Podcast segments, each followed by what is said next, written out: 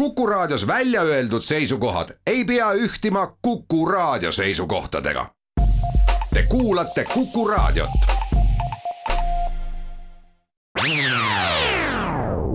Restart.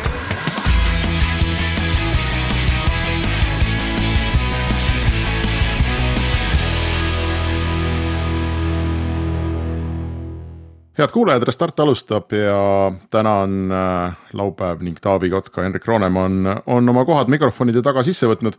ja täna me räägime Restardis ühest teemast, mis, äh, kuidas ma ütlen, me väga tihti ei tule jutuks siin saates, aga, aga mõnikord tuleb ka. me oleme vist, ma arvan, loetud arvu üks-kaks korda rääkinud äh, sellisest teemast nagu PR ja kommunikatsioon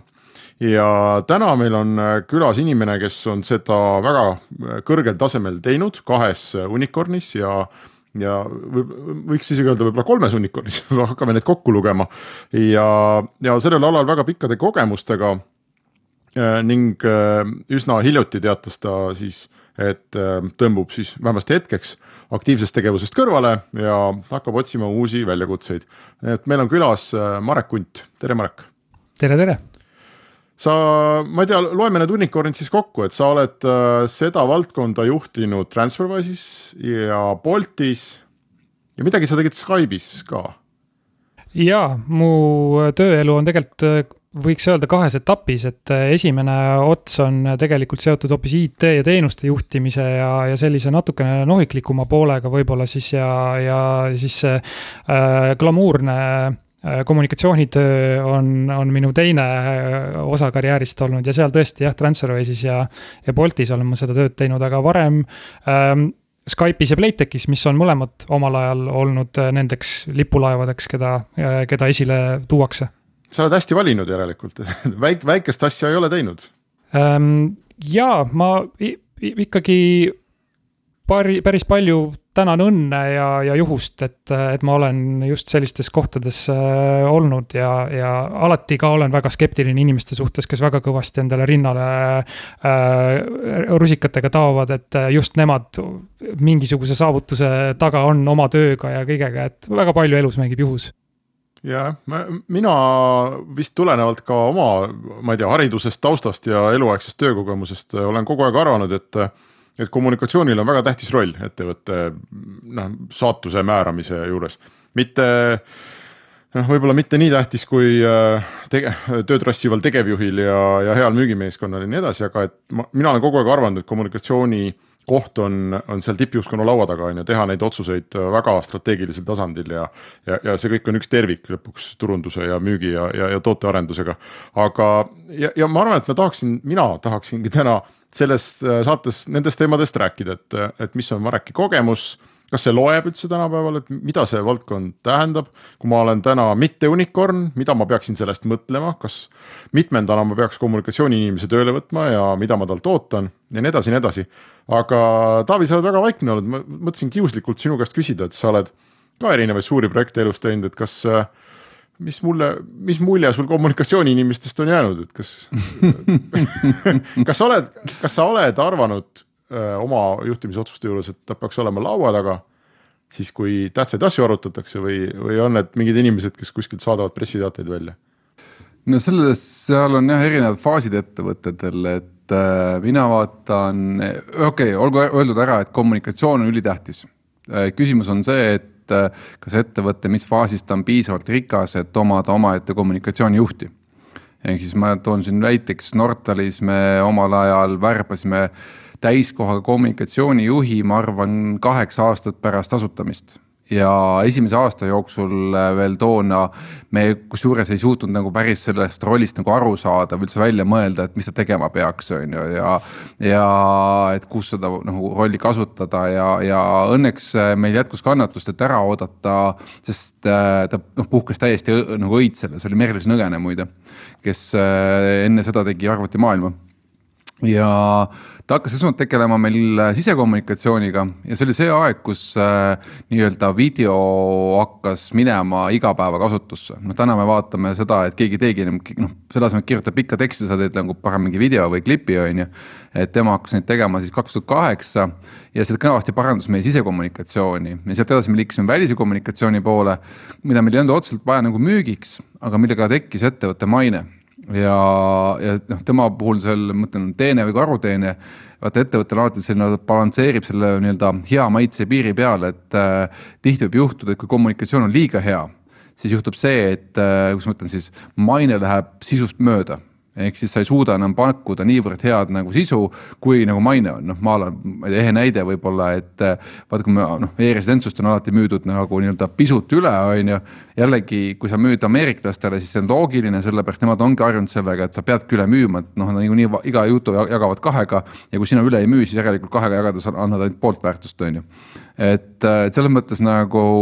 kommunikatsioon on tähtis, kus maalt on vaja omata kommunikatsioonijuhti, noh, see sõltub sõna otseses mõttes business'ist. aga mis mind kindlasti huvitab, on jah see, et äh, mida ka Mareki käest küsida, et, et kui palju ikkagi seda kommunikatsiooni selles mõttes väärtustatakse, et kui strateegiline see positsioon on, et äh, okei okay,, üks asi on juhatuse laua taga istuda, aga teine näiteks on see, et äh, kas ta näiteks saab optsioone kus on ta palgaahelas, et eh, kas parimate kommunikatsioonijuhtide pealt käib nagu võitlus, täpselt nagu näiteks a la parimate CO-de või, või, või HR-i värbamise pealt käib võitlus Eestis on ju, et. kas kommunikatsioonis on samasugune konkurents? et need on küll kindlasti küsimused, mis mind huvitaksid tänase saate jooksul mm. -hmm. aga kuna küsimused said esitatud, siis ma arvan, et laseme siis Marekil rääkida, et eh, kuidas on, kas, kas sinu pärast käib turul lööma? kui ma paar kuud tagasi andsin äh, avalikult teada, et äh, jah, mul on tõesti nüüd mõte aeg äh, maha võtta ja pärast seda pikka sprindi tempos joostud maratoni natukene hingata. siis jah, oli päris palju just neid tehnoloogiaettevõtteid ja startup'e, kes tulid, küsisid ja uurisid ja olid väga huvitatud sellest, et et see kogemus, mis mul tõesti on äh, nii Transferwise'ist kui Boltist kui, kui varasemalt. et kuidas seda oleks võimalik nende heaks rakendada ja, ja, ja soovisid nõu, nii et ma arvan, et see, seda osatakse hinnata küll, aga, aga jah, kindlasti on see ettevõtte küpsusastme ja, ja arengufaasi ja, ja, ja juhtkonnaga kõigega seotud, jah. Kas, kas sulle on kunagi pakutud optsioone, a la kui sa Skype'i läksid või juba Playtechis näiteks äh, on, on see selline koht, mida öeldakse, et näed, et, et sinu base on, ma ei tea, siin kaks tuhat või kaks tuhat viissada eurot või kolm tuhat, eks on ju, aga näed, optsioonidega saad teenida veel miljoni no tõesti, mul on olnud nagu see õnn äh, olla nendes ettevõtetes, kes ma arvan, seda äh, optsioonide töötajatele motivatsiooni jagamise kultuuri üleüldse on eest vedanud ja arendanud, et Playtech äh, juba tõesti toona, kahe tuhandete alguses tegi seda ja ei diskrimineerinud selles mõttes ühe, ühtki töötajat, et see kogus, hulk võis olla ju küll erinev, kui palju, kui palju ühele või teisele optsioone anti, aga, aga kõik, kõik said tõepoolest ja, ja nii, nii ka Skype'i puhul, nii ka TransferWise'i puhul, nii ka Bolti puhul ja ma arvan, et see on täna nagu pigem erand. Äh, kui, kui mõni ettevõte, mm, just alustav startup äh, ei, ei motiveeri oma töötajaid optsioonidega. kuidas sa ise seda, ähm, ma ei tea, kirjeldaks või seletaks, et mida sina või noh, sinu positsioon ettevõttes teeb, et kõike on ju, me kujutame ette, mida, mida nad teevad ja, ja noh, iga ametikoht nügib natukene seda ettevõtet nagu kõrgemale ja ülespoole, mida sina teed? kui ma võib-olla proovin natukene selliselt äh, abstraktsemalt vastata kõigepealt ja siis me võime ju minna konkreetsemaks, et siis ma näen enda ülesannet tegelikult äh, ühelt poolt äh, kuulajana selle inimesena, kes kes aitab ettevõttes sees sellest bubble'ist või, või, või kultusest, mis, mis on teatud mõttes positiivne ja nagu äh, suunab energiat võib-olla nagu õigetesse kohtadesse äh, aitan sellest äh, mullist äh, välja vaadata ja, ja tuua tagasi seda infot, mida, mida välismaailm peegeldab ja ütleb. nii et ma ütleks, et esimene, esimene ülesanne on tegelikult ikkagi kuulata ja võib-olla alles see teine ülesanne on rääkida või, või näidata ja üritada välja tuua, mis, mis selle ettevõtte siis nüüd eriliseks teeb või, või mis on need toredad asjad, mida me oleme, mida me oleme Äh, ära teinud. selles mõttes äh, ma vastan nüüd ise sulle, Henrik, et äh, kui sa oled väike tarkvarabutiik ja teenindad paari-kolme klienti. sii- ja sul on nii-öelda käibeliin või ütleme, selline pikk leping on ees olemas, sul ei olegi plaanis kasvada. jumala eest, noh mida vähem sa seal äh, meedias figureerid, äh, kui sa otseselt nüüd a la tööjõudu ei taha juurde palgata ja. see on erand, on ju. olla nagu tööjõuna atraktiivne, siis noh, põhimõtteliselt nagu ei ole üldse vaja tegeleda millegagi samas, kui sa oled startup ikkagi ja startup'i puhul me ikkagi räägime eelkõige nendest ettevõtetest, kes teevad midagi totaalselt uut. aga uus tähendab, et seda peab ju siis ju selgitama noh, a la meil e-residentsusest ei ole siiamaani ühiskond aru saanud, eks noh, enamus vähemalt, eks, et äh, sest noh, see on ikkagi nii uus ja see on nii kosmos, et, äh, et seal peab ikka süvenema selleks, et üldse mõista, millega tegemist on, on ju. võtame Bolti, äh, enne Bolti tegelikult oli ju Uber, kes tegi kogu kommunikatsioonitöö mõnes mõttes ära, et, et oot-oot-oot-oot, et see taksondus ei peagi olema selline, kus nahktagiga vend võtab sind nagu peale ja ei anna tšekki ja, ja, ja, ja peksab, petab maksudega, on ju, et see võib olla läbipaistev täitsa ja nii edasi, on ju. et Bolt õnneks sai selle sabas tahaks nagu sõita, aga noh, nagu ise me siin kevadel rääkisime, et kui Bolt küsis, kutsus, küsis tuge, siis nende väline nagu kuvand, maine äh, oli selline, mis nagu ei toonud seda, nagu oli Tallinkil, et oh muidugi saate laenu, mingit küsimust ei ole, on ju, et. Äh, et noh, järelikult seal oli tegelikult mingi puudujääk või mingi, mingi asi nagu tegemata, eks. kui me räägime Transferwise'ist äh, me räägime jälle sellest, et raputatakse mingit osa maailmast, mis on harjumuspärane, ehk siis nagu noh, muidu on olemas tavapärane pangandus, on olemas suured tulud äh, raha ülekande pealt. nüüd tuleb mingi punt ja ütleb, et nii enam ei saa, on ju, või nii enam ei pea, on ju. või näiteks seesama, et äh, äh, Skype'i nähti omal ajal iiveline selle koha pealt, et näed, et telkod ehitavad võrgud, investeerivad tehnikasse, on ju. ja siis tuleb mingi punt ja pakub tasuta kõnesid meie infra pealt, on ju, et äh,. ma olen nõus, Taavi, aga sa ja. kirjeldad ju nagu noh, mõnes mõttes ka praegu ütleme eriti startup'ide puhul on ju sa, sa ju kirjeldadki seda, mis nad on eks noh, et seda, seda kõike, mis oli founder'i idee ja mida investorid back isid, eks ole, noh, see ei ole ju nagu Mareki-suguste inimeste välja mõeldud kuskil kabinetis, et oh, me oleme see on ju, et noh. aga selles mõttes see on, aga vot see ongi see, et noh, et nagu mõnel see tuleb välja, mõnel ei tule, eks on ju, näiteks sama e-residentsuse puhul me kuidagi vedas, et see idee ise kandis nii palju, et noh, sa ei pidanud seda väga palju nagu ilusamaks nagu tegema või mõtlema seda kuidagi ilusamaks. ja kuigi see on, ütleme Eestis saanud kõvasti kotti see teema, siis välismaal ma siiamaani ei ole lugenud ühte ühtegi artiklit, mis oleks negatiivne selle idee suhtes noh, võib-olla ma ei tea, ma ei ole sattunud peale või nii edasi, eks, aga, aga, aga see idee iseenesest nagu toidab, on ju. sealsamas Bolt on ju noh, fantastiline ettevõte, fantastiline business, täitsa nagu müts maha, et tõesti eestlased on nii kaugele jõudnud, on ju. samas kuidagi on ikkagi nagu suudetud endale noh, tahtes, tahtes või tahtmatult nagu jätta mingi selline märk külge, mis ei pannud kohe riigi jutte hopsti nagu talle neile raha üle kandma, eks ju. noh, Porto Franco sai, on ju, et noh, et, et äh, mis on nagu tundub nagu vaatad peale, mõtled jabur, no kuidas see võimalik on. see ei olnud, see ei olnud küll avaliku kuvandi pärast, ma arvan, miks Porto Franco sai. Tallink tõenäoliselt sai avaliku kuvandi pärast ja võib-olla mingi, ma ei tea, Marek, laseme sul ka, sina olid muide Boltis sel ajal, mida Taavi juba kaks korda maininud on. kas, kas sa tunned, et sa, et sul oli nagu mingi tegemata jätmine seal? No sellest olete, ma arvan, olen ma kuulnud teidki siin, siin arutamas mitmete erinevate inimestega, kes on, kes on ka kulisside tagusele elule olnud väga lähedal. ma arvan, et Bolti puhul on kindlasti eriline see, et ta on väga polariseeriv ettevõte. ja siin on väga, väga, ta tegutseb selliste väga tugevate selliste äh, poliitiliste hoovuste äh, kokkupõrke äh, kohtade peal samamoodi, et kui me räägime kui me räägime märksõnadena välistööjõust või, või, või, või tööampsudest või, või sellistest äh, asjadest, mis on tegelikult nagu lahti rääkimata ühiskondlikul tasemel, et kas me peaksime aktsepteerima sellist äh, Äh, teistmoodi töövormi, äh, kui on palgatöö, kas me peaksime ootama enda riiki äh, inimesi, kes, kes teevad, kes teevad erinevaid töid, nii neid kõrgelt kvalifitseeritud kui ka vähem kvalifitseeritud töid. Need on nagu need teemad, kus, kus ma arvan ähm, jah, poliitiline olukord ja, ja Bolt kokku põrkasid aga ma arvan, et mida Taavi ütles nagu iseenesest äh, huvitavalt ja, ja õigesti äh, juba enne, on see, et tõepoolest PR-i ülesanne on teatud mõttes olla nagu selline äh, optimistlik, ähm, optimistlik kõneleja, aga see lünk tegelikkuse ja selle projitseeritava vahel tõepoolest ei saa ka väga, väga suureks kasvada, et selles, selles on ohud, jah. väga tore, aga me teeme siia oma esimese pausi ja siis jätkame Restart.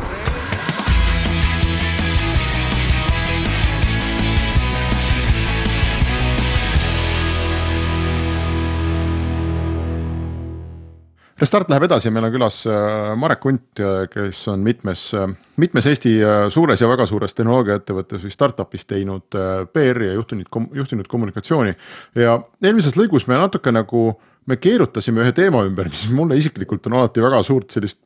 huvi pakkunud, et kui ma olen startup, on ju, siis noh, kõik inimesed, kes on ka Restarti kuulanud, teavad, et noh, et Eesti turg, et pff, et noh, no way, et, et mis, mis Balti turg, mis Soome turg, eks ole, et, et startup'i turg on maailm. ja, ja, ja see kajastub loomulikult noh, kogu ettevõtte olekus on ju, selles, mida tippjuhtkond teeb, mõtleb, kuhu nad oma aega panevad. Mm, mul on ajakirjanikuna, mul ei ole olnud nagu probleeme startup idelt, noh kommentaari või ma ei tea, ka, ka kaasamõtlemise saamisega. aga see on ikkagi väga selgelt näha, noh, ka Bolti puhul on ju, et, et enne kui meil see tööjõukriis äh, algas, ega neid startup'e see Eesti turg kuidagi nagu ei huvitanud ja ja noh, seesama, mida Taavi viitas, on ju, et, et mingil hetkel on teil seda Eestis nagu seda kuvandit vaja, on ju, et mingil hetkel on teil probleem ja teil on vaja, et ühiskond ütleks, oh jess, see on meie. ja kui te ei ole sellega tööd teinud, on ju, et noh, siis, siis te seda ka ei saa. Ehm, see on tõenäoliselt, Marek, kuidas sina seda dilemmat vaatad, et istud siin Eestis, aga oled head of PR Europe või Global näiteks, siis sul ei ole mõtet ju Eesti peale aega kulutada või peaks seda tegema? no ma ütleks, et äh, jah äh,, väga pragmaatiliselt äh, kalkuleerides jõuab tõesti sellisele tulemusele, et, et kui Eesti moodustab äh, mingisuguse X protsendi äh, meie mm, lõpptarbijatest, et siis peaks proportsionaalselt talle pöörama nii ja nii palju tähelepanu ja saad, saad tulemuseks, et noh, et viis minutit on siis, on siis kuus nii-öelda aega Eesti meediale. noh, tegelikkus on teistmoodi ja ma arvan, et see on mitmel põhjusel nii, ühe sa ütlesid ära, et see tööandja bränd on tegelikult üks, ma arvan, põhilisi motivaatoreid, miks Äh, miks startup'id äh, ka Eestis ikkagi PR ja meediasuhetega tegelevad ja tahavad, et nad positiivselt silma paistaks. ja teine asi on, ma arvan, selline äh, vähem äh, mittepraktiline nii-öelda, et see on, see on, ma arvan, see patriootlikkus ja, ja soov tegelikult äh,, kuidas öelda siis äh,, olümpiasportlase kombel positiivses mõttes Eestit maailma, maailma tribüünil aidata aga üks asi on see PR on ju, mis on selles mõttes ettevõtte maine, mis võib mingil hetkel olla sinu nii-öelda vaenlane või sinu sõber. ta kindlasti aitab värbamises kaasa, ta väga palju aitab kaasa raha tõstmises, ühesõnaga väga tihti noh, on isegi Eestis näha juba neid mudeleid, kus noh, mingi äri on ennast sõna otseses mõttes suur, suureks müünud, et noh, omamata mingit erilist sisu. jällegi mingite õigete PR sõnumite, õigete partneritega ja nii edasi, on ju, saavutatakse noh, nagu olek, kus enne kui keegi üldse midagi alustab aastal on juba ettevõte üle kümne miljoni väärt, on ju. et äh, aga ma küsiksin seda kohta, et äh, kui palju sina oma töös äh, selles mõttes PR-is oled pidanud olema nii-öelda müügitugi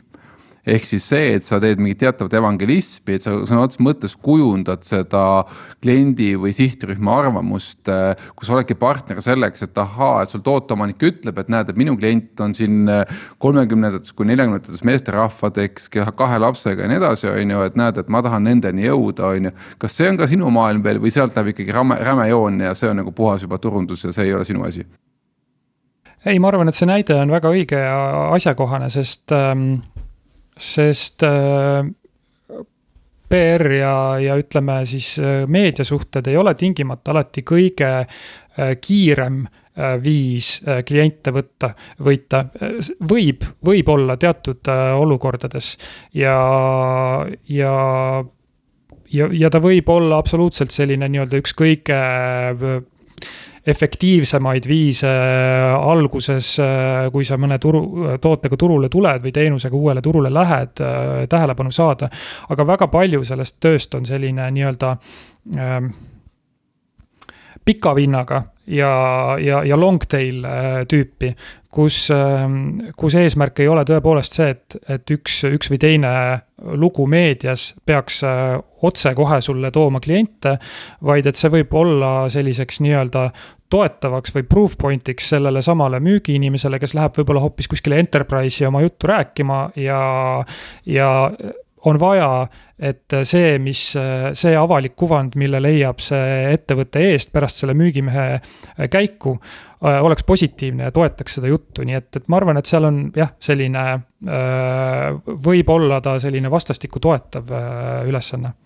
aga kui sa vaatad üldse meie startup'i maastikku, okei okay,, sa oled peamiselt suurtega teinud koostööd. Äh, noh, meil on täna on äh, startup Leaders Clubi andmete järgi circa tuhat startup'i, eks, et. Äh, kas sa oskad nagu anda mingi hinnangu, et mis seisus see turg on üldse, et kas me oleme noh küpsed varases faasis pigem võiks rohkem PR-i teha, rohkem müüa, ennast suuremaks puhuda. ühesõnaga, anna mingi kommentaar, anna mingi hinnang.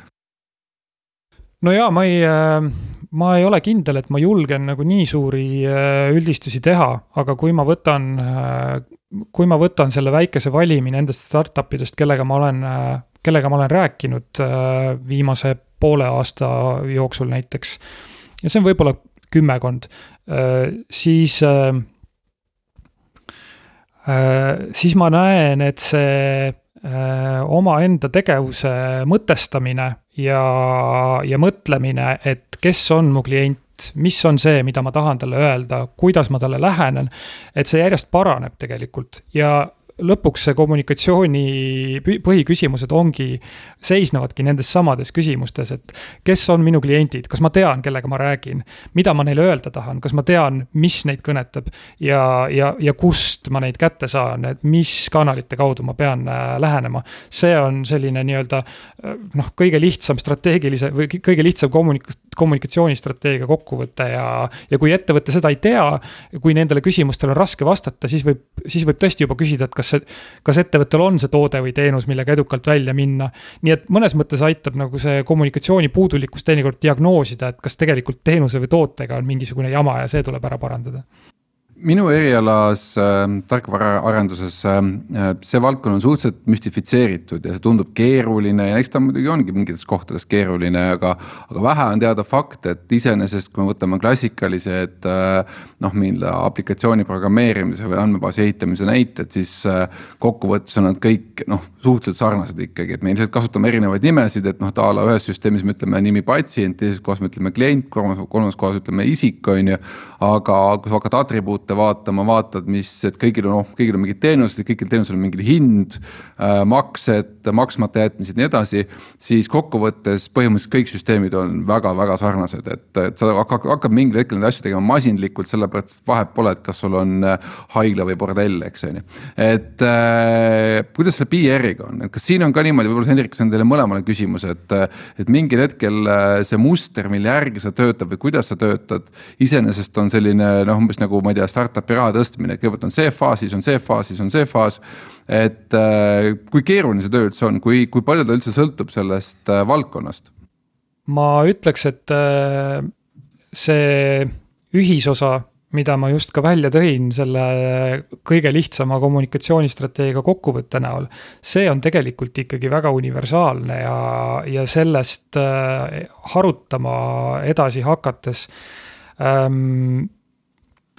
oleneb tõesti jah, valdkonna spetsiifikast, et mis need vastused on, aga küsimused on äh, sageli samad. nii et, äh, et väga lühike vastus on tõesti see, et see, ma arvan, et see mm, spetsiifika, kuidas äh, müüa toiduainete tööstuse või noh, või siis mõne tehnoloogiaettevõtte uut toodet noh, seal on väga-väga palju äh, sarnasusi ja ma arvan, et seda tõestab ka iseenesest see, et kui meil siin Eestis, Eestis räägime PR-agentuuridest, siis need on äh, reeglina sellised noh, maailma mõistes väga väikesed agentuurid, et viis-kümme inimest on juba ikkagi selline suuremat sorti agentuur. ja see tähendab, et spetsialiseerumist väga palju ei ole. ja kui ma mõtlen omaenda esimese tööaasta või töökuude peale, et siis Äh, ühe, ühe kuu jooksul pidingi ma tõepoolest sellise juunior spetsialistina kokku panema siis näiteks ühe uue, uue turule tuleva ketšupi pressiteate Äh, siis äh, aitama panga majandustulemused äh, väljaannetele pressiteate näol välja kommunikeerida. ja siis aitama ühe tehnoloogiakonverentsi korraldamisel kaasa, et õiged inimesed saaksid kutsutud. nii et selles mõttes see, see tööriistakast, eriti siin Eestis, peab PR-inimestel olema üsna lai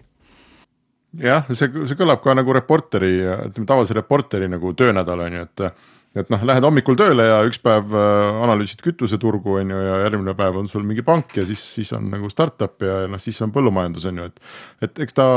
väikses riigis, ma arvan, ongi niimoodi, aga, aga noh, ütleme väikse, väikse või, või alustava startup'i puhul on ju selge, et mis noh, et esiteks sa tahad üldse nagu saada ennast välja, on ju, sa tahad, et keegi märkaks sind, on ju, et sa oled olemas ja. ja, ja noh, kui sa suuremaks kasvad, siis tekivad need mured, eks ole, et et noh, kas me oleme nüüd juba, ma ei tea, ühiskonnas astunud mingi konnasilma peale, on ju, kas me peaksime kuidagi aitama seda noh lahendada, on ju, kas me. Kas me peaksime nüüd juba mõtlema selle peale, et, et noh, mida nad meist arvavad, on ju, ja kas see on meile hea või halb, et need on minu meelest need on nagu erinevad faasid. ja paljud ei jõuagi, ma arvan, sinna teise faasi kas te, ma arvan, Eestis on palju startup'e, kellest keegi ei arvagi midagi aga mõtlengi, kas startup üldse on enam popp, et äh, see tundub, et äh, kuna see infoküllus läheb ju iga aastaga järjest hullemaks, et äh, kuskil viis aastat tagasi, tulles uue ideega lauda, noh, suht lihtne oli vallutada noh, mingi pealkiri vähemalt Äripäevas ära, eks, kui mitte mm. midagi mujal, et eh,. tänapäeval ma enam väga ei märka, ehk siis eh, noh, ütleme kasvõi seda, et eh, kui me vaatame Henrik, et neid objekte, keda me tahame siia saatesse saada, siis eh, enam nii lihtsalt ei saa, et oled meediaga kursis ja siis tead ka startup'i maastikust kohe kõike, et, et see pigem on ikkagi nii-öelda pead hakkama tagatuba otsima, eks, et kas startup'id on popid jätkuvalt või? no minu kogemus on tegelikult, et seda head uudist ikkagi täna oodatakse, kui ma vaatan, kui ma vaatan meedia kui koostööpartneri poole, et tegelikult, kui on midagi, midagi positiivset öelda, kui on mõni uus ettevõte, mis teeb tõesti midagi teistmoodi, mis näib olevat ambitsioonikas, ta Äh, on võib-olla karismaatiliste asutajatega, et äh, see, see vastukaja ikkagi reeglina on positiivne, mis sellest, et äh, kuskil kõrval on ka, on ka grupp inimesi, kes kogu seda idufirmandust peavad üheks suureks aferismiks.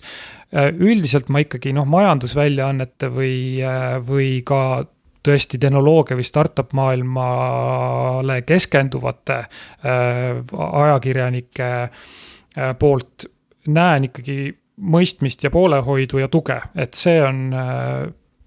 see on minu vaade. aga Henrik, äh, sina näed seda ikkagi väljast, väljaandjana, vastutava väljaandjana, on siis popp või ei ole popp enam äh,?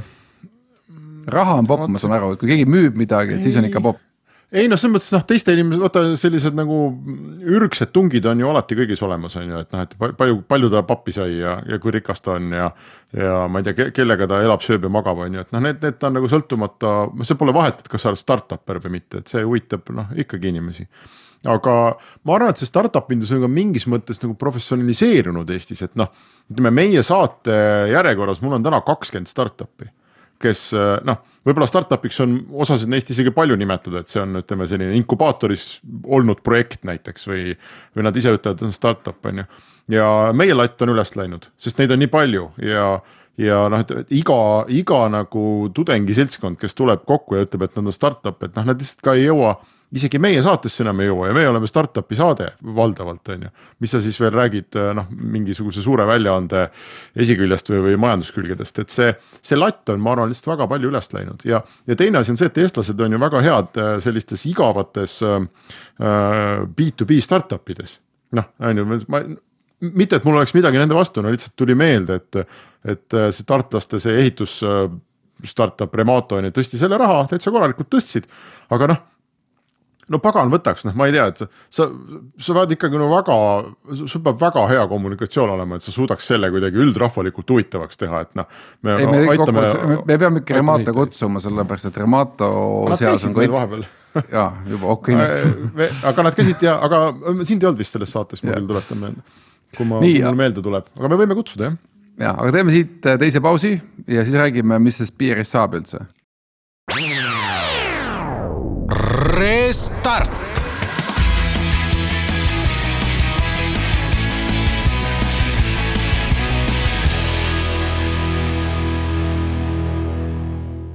Restart jätkub ja meil on külas Marek Unt ning me räägime PR-ist ja kommunikatsioonist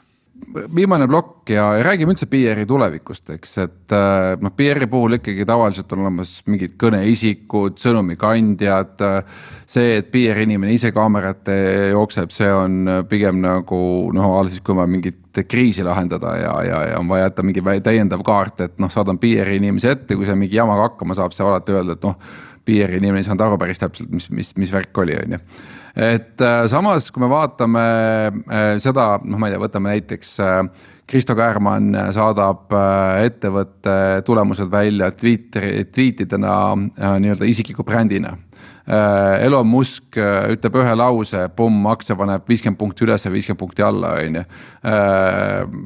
Trump kirjutab ühe lause, terve turg paneb viiskümmend punkti üles, viiskümmend punkti alla, eks, et äh,. ja siis tekib küsimuski, et noh, et, et kas need inimesed on ainult meediumid, ehk siis nende kaudu käib sõnumi edastus. ja seal taga on ikkagi tohutu PR tiim, kes nagu valib seda sõnumit, on ju. või siis on ikkagi see, et need inimesed ise teevadki oma olekuga, oma, oma, oma isiksusega. ja täpselt oma sõnakasutusega, noh nii kasvõi nii lihtsa kõnepruugiga nagu Trump seda kasutab, on ju et, et nad ongi ise nii-öelda PR-masinad, et nad ise ongi parimad PR-spetsialistid, sellepärast nad tunnevad valdkonda. Nad on selle valdkonna autoriteedid ja kokkuvõttes nad ei tegelikult ei vajagi mingeid nõuandeid, sellepärast et see, isegi kui midagi mööda läheb, siis see antakse andeks, et äh, kuidas sa, Martin, näed seda, mis sellest PR-ist saab üldse? no kui me vaatame jah, selliseid äh, fenomene, mida sa siin äh, mainisid äh, ka ja sel nädalal tuli ju, äh, märkasin mina loomulikult professionaalsest kretinismist ka uudist, et äh, Elon Musk äh, saatis väidetavalt siis Tesla PR-tiimi laiali. siis, siis noh, need, need tendentsid, et inimesed katsetavad iseenda kõneisikuks olemist, noh, neid on, neid on väga palju ja väga erinevaid näiteid. ma arvan, et me meil inimestena on see filter tegelikult päris hästi välja arenenud, et aru saada, kas meiega räägib äh, mingi konto kaudu PR-tiim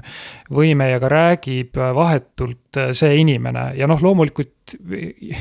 ideaalis või ütleme siis nagu minu mätta otsast äh, ideaalis on meil, on meil võimalik teha seda koostööd selliselt, et see inimene säilitab rääkides oma hääle. aga keegi aitab teda ja toetab teda sellegipoolest. aga noh, nende, nende otsesõnumite pluss, mida me nagu näeme, kas siis Musk'i puhul või ka Trumpi puhul, nende, nende pluss kindlasti või see, mida me hindame, on see vahetus ja, ja miinus võib-olla on see siis näiteks kas järjepidevuse puudumine või mingid ebaõnnestunud sõnavõtud, olgu siis unerohu mõju all või mingitel muudel põhjustel. Äh, sellised asjad, mis, mis aktsia hinnaga teevad äh, äh, asju, mida ülejäänud ettevõte siis järgmisel päeval loeb ja peast kinni hoiab, et ähm, et see, see on, see on mitmetahuline ja ma arvan, et see Elon Musk'i ja Tesla äh, otsus meediasuhete tiim vallandada ja meediat ignoreerida, et see veel lisaks läheb sellise soovmõtlemise valdkonda ka, et ma arvan, et PR-tiimi vallandamine ei muuda meediat olematuks, ei muuda olematuks vajadust ikkagi oma sõnumite peale mõelda. ja ei, ei, ei muuda olematuks ka neid võimalikke ebameeldivaid kajastusi, mis, mis tulevad siis, kui meediat ignoreerida. Aga siin on nüüd nii ja naa, ehk siis mina vaidlen siin natuke vastu, ehk siis õige, ma arvan, me räägime tegelikult samast asjast, ma ei, ütlen, ma ei vaidle vastu, aga, aga ma tooks selle aspekti ikkagi nähtavale, et mida nagu Musk nagu mõtleb, et. et ma väidan, et kuna meedia on täna juba niivõrd palju müra ja noh, ütleme niimoodi, et seda sulle taotakse söögi alla ja söögi peale fake news ja populism ja nii edasi, on ju. Clickbait, mida millegipärast Eesti jätkuvalt äh, huumoriga vaatab, mismoodi siin Hundimägi ja, ja muud äh, ajakirjanikud räägivad, et Eesti meedia ei ole clickbait, noh tule taevas appi nagu naera puruks, on ju. et, äh, et et see Elon Musk'i või, või ütleme nii-öelda tuntud kõneisiku mõte ongi selles, et, et, et jumala eest, et ma ise kontrollin seda sõnumit, ma saan ise haarata selle narratiivi, millest ma räägin üldse, eks. ja kui mul ongi paus või, või, või mul ongi vahepeal nagu, nagu negatiivne hetk, siis ma olen vait lihtsalt, on ju. sest mulle tundub, et näiteks nagu see on täiesti levinud kommunikatsioonistrateegia ja kui sa ikka tõesti mingi häige pasaga saad hakkama, no võtame näiteks sellesama Swedbanka Rumeenia krundid, eks on ju. no tõesti, noh sorry küll, mehed, et olete ostnud saja viiekümne tuhande euroga hektar nagu põllumajandusmaad, on ju, et noh, et te olete ikkagi nagu, nagu lausollusega hakkama saanud, on ju. ja, ja selles mõttes nagu parim taktika tundub, on teemat ignoda ja olla lihtsalt vait me oleme näinud seda korduvalt ja korduvalt, me oleme näinud seda Tallinki puhul nii edasi, on ju, et noh, et, et see ongi. ja see on see, kus nagu inimestel tekib tõrge, et noh, et aga okei okay,, et, et ma saan aru, et noh, mingi organisatsioon nagu a la Swedbank saabki olla vait aga noh, Musk, noh, sa ei saa olla vait, on ju, mistõttu nagu. ei, aga ma, ma arvan, et see on jälle suuruse teema nüüd, kui sa oled nii suur, noh, et no nagu need näited on ju, mis sa noh yeah. kirjeldasid, siis sa, siis sa saad olla vait. et noh, selle asi, kõik läheb edasi, aga sa, sest sa oled lihtsalt nii kindel, sa oled nagu mingi kalju või. eks ole, et karavan liigub edasi, koerad hauguvad, ma ei tea, mis sa, Marek, arvad? jah, ma arvan, et ähm, noh, need, äh, need valikud näiteks äh, meediat ignoreerida äh, teatud olukordades või see, või seesama nii-öelda PR-tiim kinni panna, sest ma ise olen oma meedia. sealt, seal taga on tihtipeale ikkagi ka selline nagu rahulolematus sellega, millist pilti minust maalitakse ja äh, soov näidata, kuidas on jutumärkides õige. Äh, ja see õige on loomulikult see, mida mina asjadest arvan. ja, ja seal natukene noh, läheb see asi selles mõttes see on see koht, kus tavaliselt ütleme, kommunikatsiooniinimene, äh, kui tal on mõju äh, tegevjuhi üle, läheb ja ütleb, et tead, et noh, et tegelikkus on selline, et me, kui ma rääkisin alguses sellest mullist, et siis aidata sellest mullist korraks välja tulla ja võtta signaali vastu välismaailmast, mitte ainult oma juttu uskuma hakata. see võib olla, see võib olla vajalik ja aga mõtlegi, et kokkuvõttes ma ikkagi kontrollin seda sõnumit, et kui ma ise tean seda, et noh, et a la, et, et kõik, mis ma näiteks Twitterisse kirjutan või Facebooki panen, eks, et. et selle kokkuvõttes meedia kor korjab ülesse, nii, aga seal tuleb selle vahega, et ma ise panen nii-öelda esimese nagu, nagu sõnumi, esimese narratiivi. ehk siis noh, täna on tõsine tõrge näiteks mul Eesti meediaga selles, et, et isegi kui sa räägid nagu, nagu heal teemal või kasulikul teemal, siis kuna see on nagu tõenäoliselt nagu mitte kõige seksikama pealkirjaga, siis otsitakse mingi nüanss ja, ja sellest saab nagu nii-öelda nagu täielik hitt või clickbait on ju, noh, ma ei tea, klassikaline näide, et, et. et e-resentsust on üle müüdud, on ju, noh a la noh, kurat küll, on ju, et noh, et, et. et kas oli nüüd see pealkiri siis kõige tähtsam, kõige olulisem selle jutu juures, on ju, et et selles mõttes nagu äh, noh, tekib ikkagi tunne, et, et ma tõesti lasengi selle PR-i lahti, sellepärast et äh, mul on endal nende kanalite kaudu nagu lihtsam seda maailma mõjutada. ja vähem on neid segavaid faktoreid, et ma noh, et a la ma võtan seda riski, et ma nüüd pean leppima siin Delfi või EPL-iga kokku selles, et noh, et jumal teab, mis pealkiri see tuleb, aga noh, me võtame selle riski ja vaatame, noh äkki läheb hästi, äkki on toimetajal hea päev sel päeval on ju no ma arvan, et see tema see PR-i lahtilaskmine on, on nagu PR, eks ole, või et noh, see on, see on, see on mingi meta,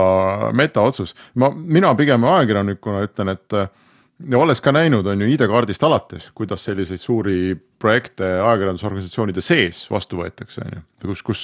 on ka inimesed, kes võib-olla, kellest osa ei armasta muutust ja osa nendest on juhtivatel kohtadel ja, ja teevad neid otsuseid, on ju. et äh, et lõpuks aitab minu meelest ikkagi see, et sa lähened nendele inimestele lihtsalt ükshaaval isiklikult. täitsa sõbralikult, rahulikult lähed ja räägid ja räägid ja räägid. ja mitte ei karju kuskilt on ju, et te kõik olete lollakad ja te ei saa mitte midagi aru, et ja seda sa ei jaksa nagu üksi teha sa ei, sa ei jaksa, on ju, võtta noh, kord kvartalis kõiki sinu valdkonnas kirjutavaid majandusajakirjanikke kokku, on ju näiteks. rääkimata siis veel maailmast ja no lihtsalt rääkida, rääkida, rääkida, et selle jaoks sul on, noh, sul ongi seda osakonda siis ju vaja. ma olen nõus, et äh, rohkem rääkida selles olukorras on, äh, on parem lahendus, kui, kui vähem rääkida või, või mitte rääkida. Äh, aga seda on väga see ei ole üldse nii-öelda intuitiivselt äh, ei tundu õige minna sinna, kus tundub ohtlik ja, ja halb, nii et see. Mm, ja, ja võib olla ka halbu kogemusi ees, nii et see noh, see on inimlikult arusaadav, miks see tundub, miks see, miks see tundub riskantne. ma ei saa teist aru muide. sa oled, sa oled nagu solvunud, vaata ei, selles mõttes nagu ma saan sellest aru, et, et sa, kui sa tahad oma ideed müüa, et sa pead nagu rääkima, rääkima, rääkima, on ju. aga ma ei tea, võtame rahapesu, on ju. noh, Danske, vait Swed, vait noh, ühesõnaga, see on nagu ikkagi klassikaline taktika, et äh, võtame dopingu case'id vait, ühesõnaga, et sul on ikkagi, kui sul ei ole objekti, kellega rääkida, kelle käest küsida ja nii edasi, on ju, kui see teine pool vaikib. see tundub, et see on kõige õigem strateegia üldse, juhul kui sul on nii-öelda äh, sopp ventikas. et siis ole vait lihtsalt no no ma, ma, me ütleme sellisel juhul, kui olukord on nii drastiliseks läinud, on ju. et äh, noh, su päevikutest avaldatakse väljavõtteid Delfis on ju, mis ei jäta mitte mingit kahtlust, no et mis sul enam seal öelda on, no et siis mina tõenäoliselt annaks ka soovituse, et kuulge, noh, oleme lihtsalt vait, on ju, et noh sa, sa ei saa mitte midagi öelda, mis. aga mõtlengi rahapesu näiteks on ju, et äh, noh, kusjuures selle peale õlitulle ka, et noh, et nii-öelda koduriigi meedias äh, süüdistatakse veel neid vastikuid varastest eestlasi, kes kogu selle rahapesu korda seadsid, kuigi tegelikult asi toimus nagu sõna otseses mõttes nagu rootslaste või taanlaste juhtimisel on ju. ja, aga lihtsalt see faas, millest mina rääkisin, oli, on pigem nagu see, et sa, sa oled avalikkuse ees mingi asjaga ja avalikkus on noh, ütleme osad pooldavad, osad on vastased, osa, aga suurem osa on kuidagi kergelt kahtlevad, on ju, et kurat, päris täpselt ei saa aru, et mis värk sellega on. et noh, siis on ju öelda, et te olete kõik jobud, te ei saa mitte midagi aru, ma ei räägi teiega, et see sel hetkel on küll nagu ülivale aga ma mõtlen, see ongi oma küsimus, et äh, mis viib jälle selle küsimuseni, et kas see klassikaline meedia, et, et kui ma tahan oma sõnumitega olla, siis kas ma pean olema selleks nagu noh, ma ei tea, võtame Eesti näite, et selleks, et raadiokuulaja saaks aru, et noh, et Alex, ma pean olema Delfis, Postimehes nagu Äripäevas. et äkki on palju olulisem see, et ma oleksin äh, mingites sellistes kohtades, ma ei tea, oletame, et äh, ma ei tea, Sten Tamkivi peab, peab mingit regulaarset blogi näiteks, et ma oleksin selles blogis heas kohas sellepärast, et noh, et et, et ma tegelikult ei vajagi seda nagu seda, seda, seda massimeediat enam, sest noh, see massimeedia on niikuinii üks suur müra ja ma arvan, et need äh, alternatiivid meediale, nad lõpuks tegelevad ju ka sama probleemiga, millega meedia, et kas ma olen, kas ma olen usaldusväärne? Kui ma olen usaldusväärne teatud valdkonnas oma teatud sihtrühma jaoks, siis mul absoluutselt on suur mõju otse nendele inimestele. ja, ja ma ei pea, ma ei pea sellisel juhul tõesti äh, sõltuma nii-öelda siis sellest vahendajast, et see on, ma arvan, see. see lootus ja ma arvan, et siin ütleme, et noh, tehnoloogia või just ütleme, gadget'i maailmas on nagu äh, selliseid öö, meediakanaleid või Youtube'i autoreid kümnete miljonite jälgijatega nagu Marquez Brownlee või, või, või kes iganes. kes absoluutselt on meediakanalid ja, ja, ja, ja tõepoolest toimetavad ka selles mõttes veel iseendale äh, rakendatud äh, toimetusreeglite kohaselt, et nad ei, äh, nad peavad oma usaldusväärsusele tegelikult nagu garantii andma ka sellega, et näitama, et tõepoolest ma ma olen ka kriitiline teatud teemade suhtes, ma mhm. ei promo ainult seda, mida mulle ette saadetakse. arusaadav aga ma küsiks selle küsimuse ikkagi ära, et äh, me saame aru, et meediamaailm on muutumas äh,. inimesed ikkagi ei ole nõus ühe kohvitassi hinda maksma mingi kuise subscription'i eest enam, kuigi noh, tundub nagu kopikas on ju, aga no ei tee, on ju ja samas hakkab vaikselt pürgima see, et, et noh, siin on vaata Levilal on olemas omad mingid äh, sponsorid, paketid ja nii edasi, et ikkagi inimesed hakkavad väärtustama mingit teatavat sihipärast äh, content'i et äh, ma lihtsalt võtaks, kuna meil hakkab saade läbi saama, et olete kaks meediainimest mõlemad või PR inimest ka ühel või teisel viisil, et. Äh, et kui peaks praegu ennustama, et näiteks viie aasta pärast et, äh, et kas nagu inimesed ostavad sihukest noh, ütleme sõna otseses mõttes, toome sihuke a la Sten Tamkivi blogi, et ma nagu iga noh, donate in nii-öelda tema blogisse, ma ei tea, euro või kaks kuus on ju. Versus see, et ma ostan Postimehe täispaketi, ma ei tea, palju see maksab, aga no ütleme neli üheksakümmend üheksa äkki on ju. et äh, võib-olla okei okay,, okei okay., et küsimus on, et, et, et kumb, äh, kas see, kas see maailm nagu muutub siin, kas tekivad sellised nii-öelda independent äh, siis sõnumi kandjad või sõnumi edastajad äh, vood, mida ma usaldan rohkem kui nii-öelda seda fake news'i sealt sellest massimeediast on ju noh. a la noh, ta on näiteks USA-s on ta päris kõvasti polariseeritud a la Fox News versus CNN, eks. et, et mida te ennustate? no minu selline üsna äh, kuldne kesktee vastus on tegelikult see, et ma arvan, et mõlematel, äh, mõlematel žanridel on, on oma koht ikkagi olemas, ma äh, võin nõustuda inimestega, kes, kes noh, näevad nii-öelda, näevad seda tänast traditsioonilist meediat tänasel kujul olevat allakäigu trepil või, või, või teatud formaatides ära kadumas. aga ma arvan, et me tegelikult nagu otsime sedasama asja võib-olla teisel kujul, me otsime usaldusväärsust, me otsime tegelikult objektiivsust, teatavat sorti sellist nii-öelda toimetuse kvaliteeti võib-olla me leiame nad äh, mujalt, me ei leia võib-olla neid äh, meediamajadest, aga mulle miskipärast tundub, et, et, äh, et kuigi see killustatus võib-olla ajab meid ka selliseid üksikindiviide või mingeid gruppe jälgima ja neid enda meediaks lugema, siis. siis naljakal kombel nad teevad nagu mingisuguse sellise arengufaasi läbi, kus nad, kus nad muutuvad selleks, kelle alternatiiviks nad mm -hmm. alguses plaanisid olla ja jah, aga see muide käib ka kõikide startup'ide kohta, et noh, selles mõttes, et Bolt on taksofirma on ju ja Transferwise on äh, pangalaadne toode. aga mina oma põhjalikumat vastust ei jõua kahjuks anda, sellepärast et meie saateaeg on läbi. Ähm,